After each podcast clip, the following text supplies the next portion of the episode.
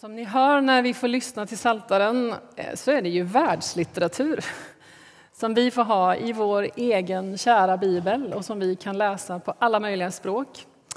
Eh, och som sagt, vi börjar vårt sommartema. Är det någon som vet den här veckans underrubrik?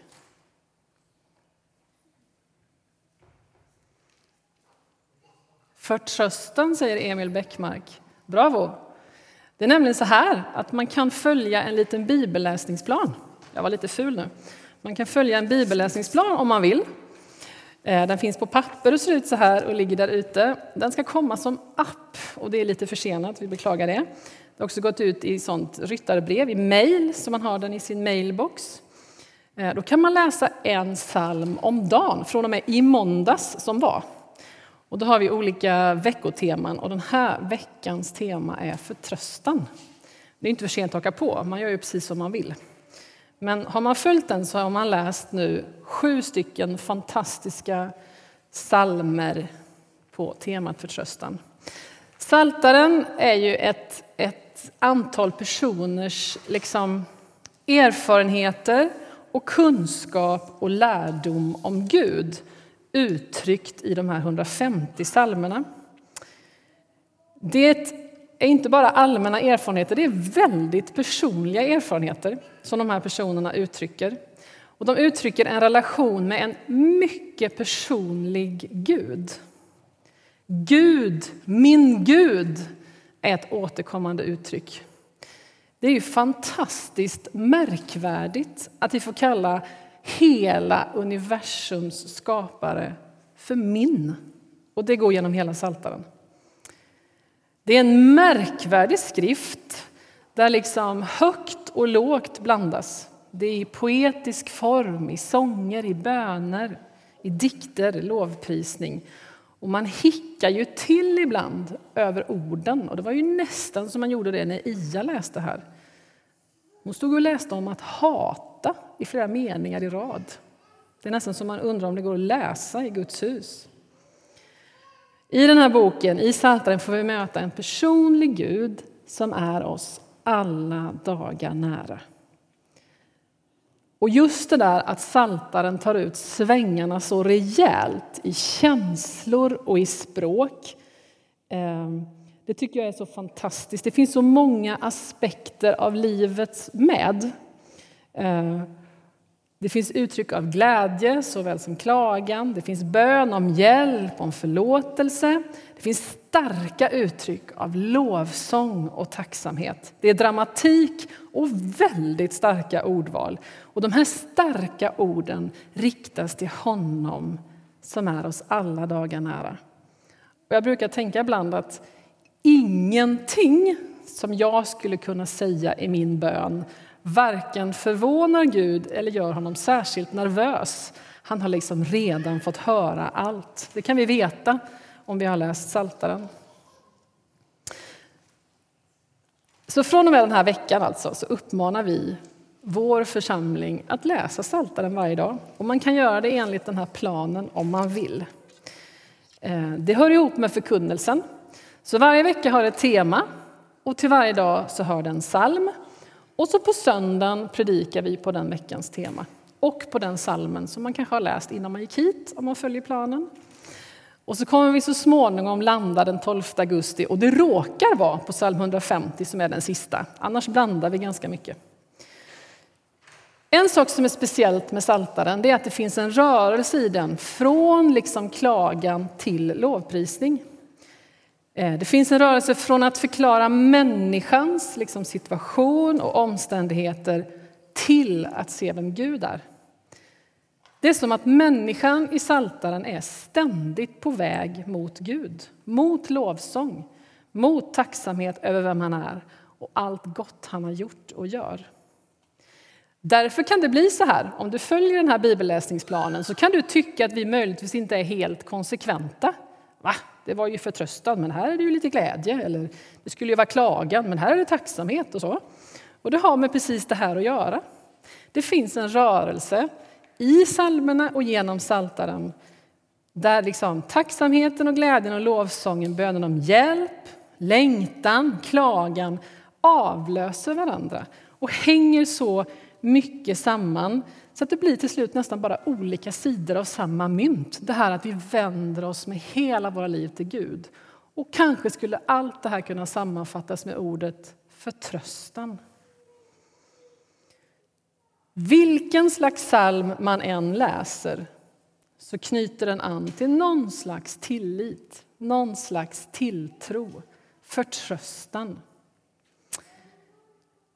Det finns en psalm, jag har inte, liksom gjort, jag har inte undersökt det här själv, jag läste det. Men det finns en psalm, och så långt är det rätt. Det är psalm 88, du behöver inte slå upp den nu. Men där vänder det aldrig. Och det kanske är Saltarens sorgligaste psalm. Där vänder det aldrig. Men i alla andra psalmer så finns den här rörelsen. Det är som att Gud är och blir alla situationers konstant. Han förändras aldrig. Till honom vänder vi våra rop på hjälp eftersom vi kan förtrösta på honom. Till honom kommer vi med vår klagan eftersom vi kan förtrösta på att han lyssnar.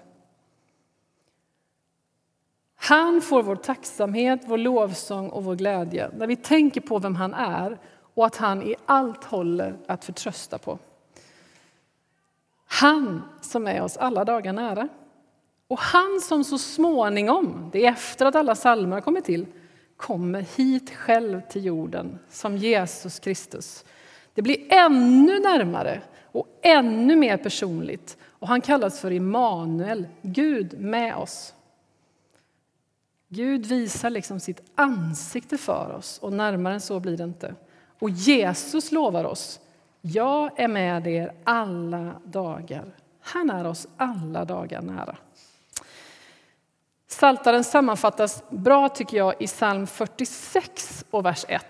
Där står det så här i Bibel 2000. Gud är vår tillflykt och vår styrka, en hjälp i nöden som aldrig svikit.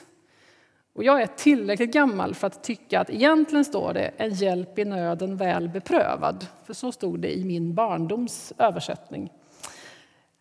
Oavsett vilken vi läser så är det typ så här, vi har testat och testat och testat och testat och han visar sig liksom hålla. Som en sån här, ibland på Ikea, eller kanske alltid på Ikea, på typ fåtöljavdelningen så brukar det finnas, i alla fall fanns det i Malmö, kanske finns här också. De visar hur de provtrycker liksom fåtöljer. Så i en liten glasbur så står det en sån här liksom metallarm och bara försöker förstöra en fåtölj. Liksom. Det ser jag lite framför mig. Väl beprövad. Det går liksom aldrig sönder. Fast det gör det väl till slut på Ikea, men Gud går aldrig sönder. Han har visat sig aldrig svika. Han är väl beprövad. Vi har testat och testat och testat och han har visat sig hålla. Som tillflykt, som styrka och som hjälp i nöden. Han är mer än noga testad. Och resultatet är precis det här. Han har inte svikit. Vi kan förtrösta på honom. Okej. Okay. Någon som vet vilken psalm som man kunde läsa idag?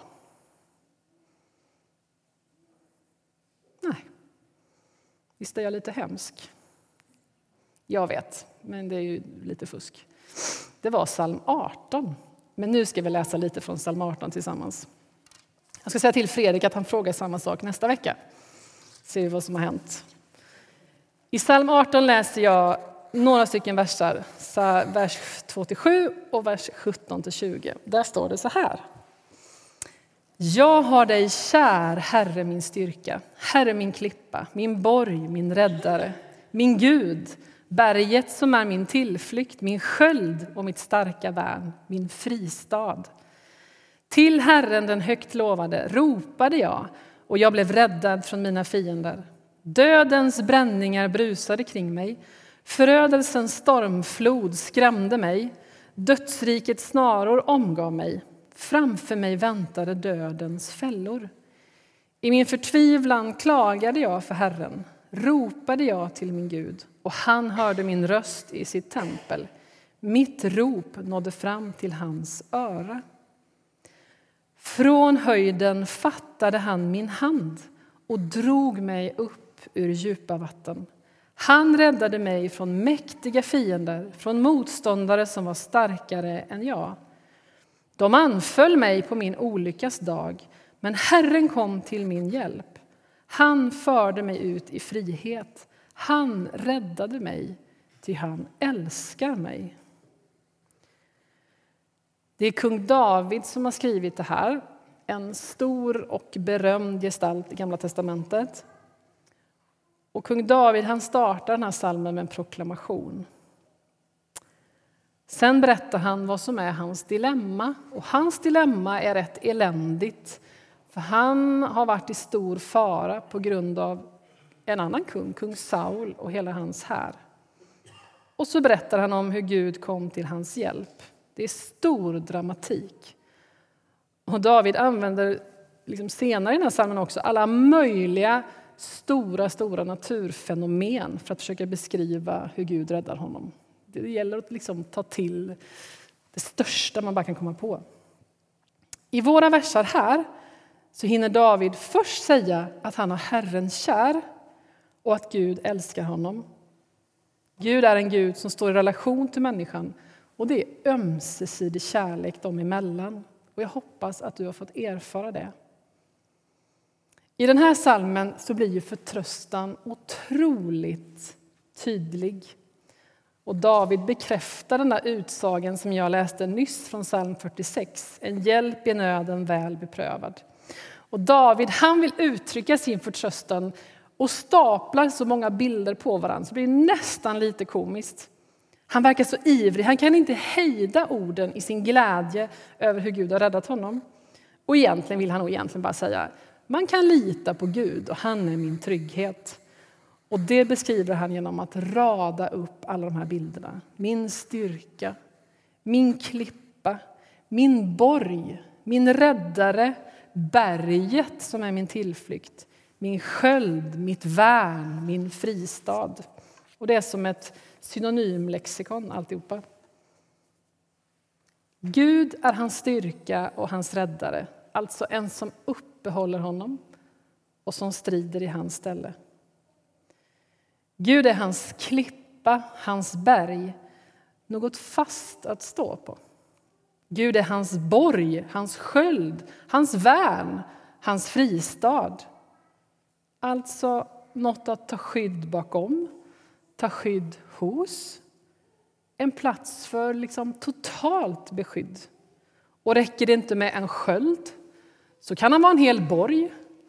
Och räcker det inte ens med en borg så kan han vara en hel fristad. Så om vi får liksom följa i Davids fotspår och kroka tag i hans förtröstan så verkar det som att vi kan veta att vi får fast mark under fötterna. Känns det lite klent med en klippa så kan han faktiskt vara ett helt berg. Vi kan få skydd på alla sidor. Vi kan börja med en sköld. Känns det snålt och ängsligt så kan vi få en borg. Och tycker vi att det är ensamt på sidorna kan vi få en hel fristad. Och så strider han vår strid. Det här och många liknande erfarenheter är Saltaren full av. Och det är det vi önskar att vi skulle få mata våra liv med den här sommaren. Men kanske undrar du som jag ibland, vad ska jag med allt detta till när det inte alls verkar vara så här? När min bild inte stämmer med kung Davids, alla mina fiender, vilka de nu än må vara, verkar vara kvar. Och jag märker ingen klippa under mina fötter. Det verkar snarare bara vara sand eller dy. Om vi mer tycker att Gud är fruktansvärt långt borta och det är natt snarare än att han är alla dagar nära. Ibland så säger vi ju sådär att det är tron som bär oss. Och jag förstår precis vad man menar med det. Men jag bara tänker att man kan vara noga och säga att det är Gud som bär. Om det skulle vara min tro som bär då skulle det en del dagar inte vara så mycket som bär. Men Gud bär, oavsett hur framgångsrik min förtröstan för tillfället är. Och om det är Gud som bär, då ser jag ingen annan möjlighet i det här livet än att förtrösta på honom. Jag ser ingen utväg än att fortsätta se på honom och liksom påminna min förtröstan om vem han är. Att han är väl beprövad.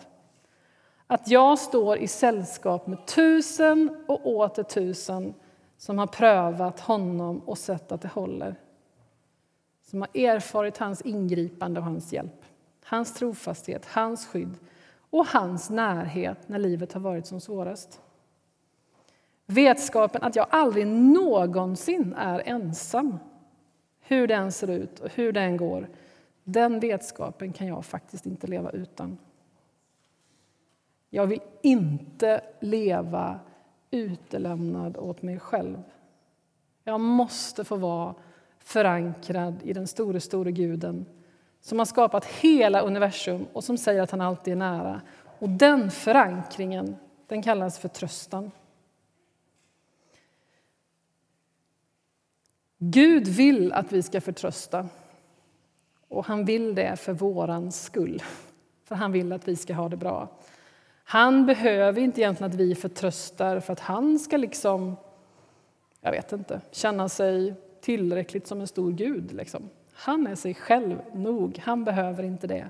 Men han önskar att vi för vår skull skulle få leva i förtröstan och få växa i förtröstan. Och hur gör man det?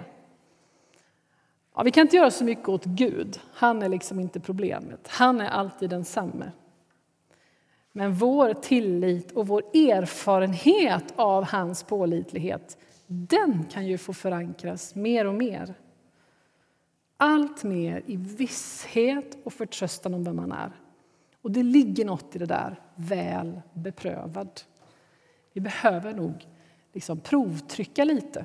Inte springa själva, inte envist bära själva utan provtrycka hans trofasthet. Han vill vara vår klippa. Varenda gång som du lämnar din börda till honom så är det inte besvärligt för honom.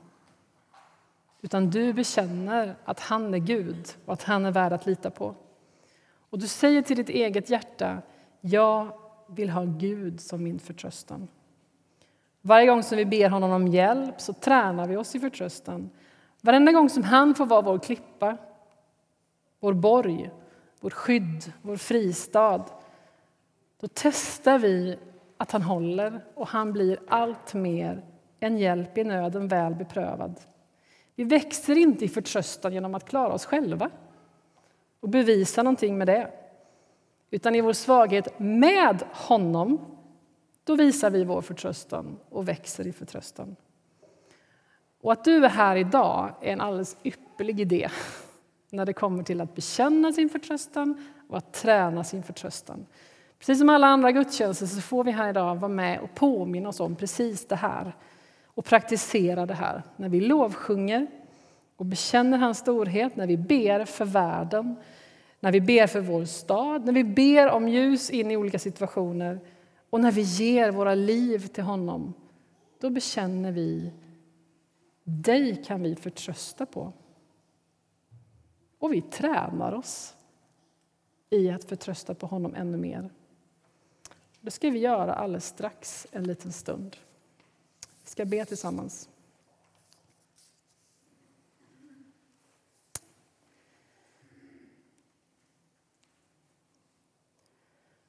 Och Gud, du som är helt bortom och utanför tiden.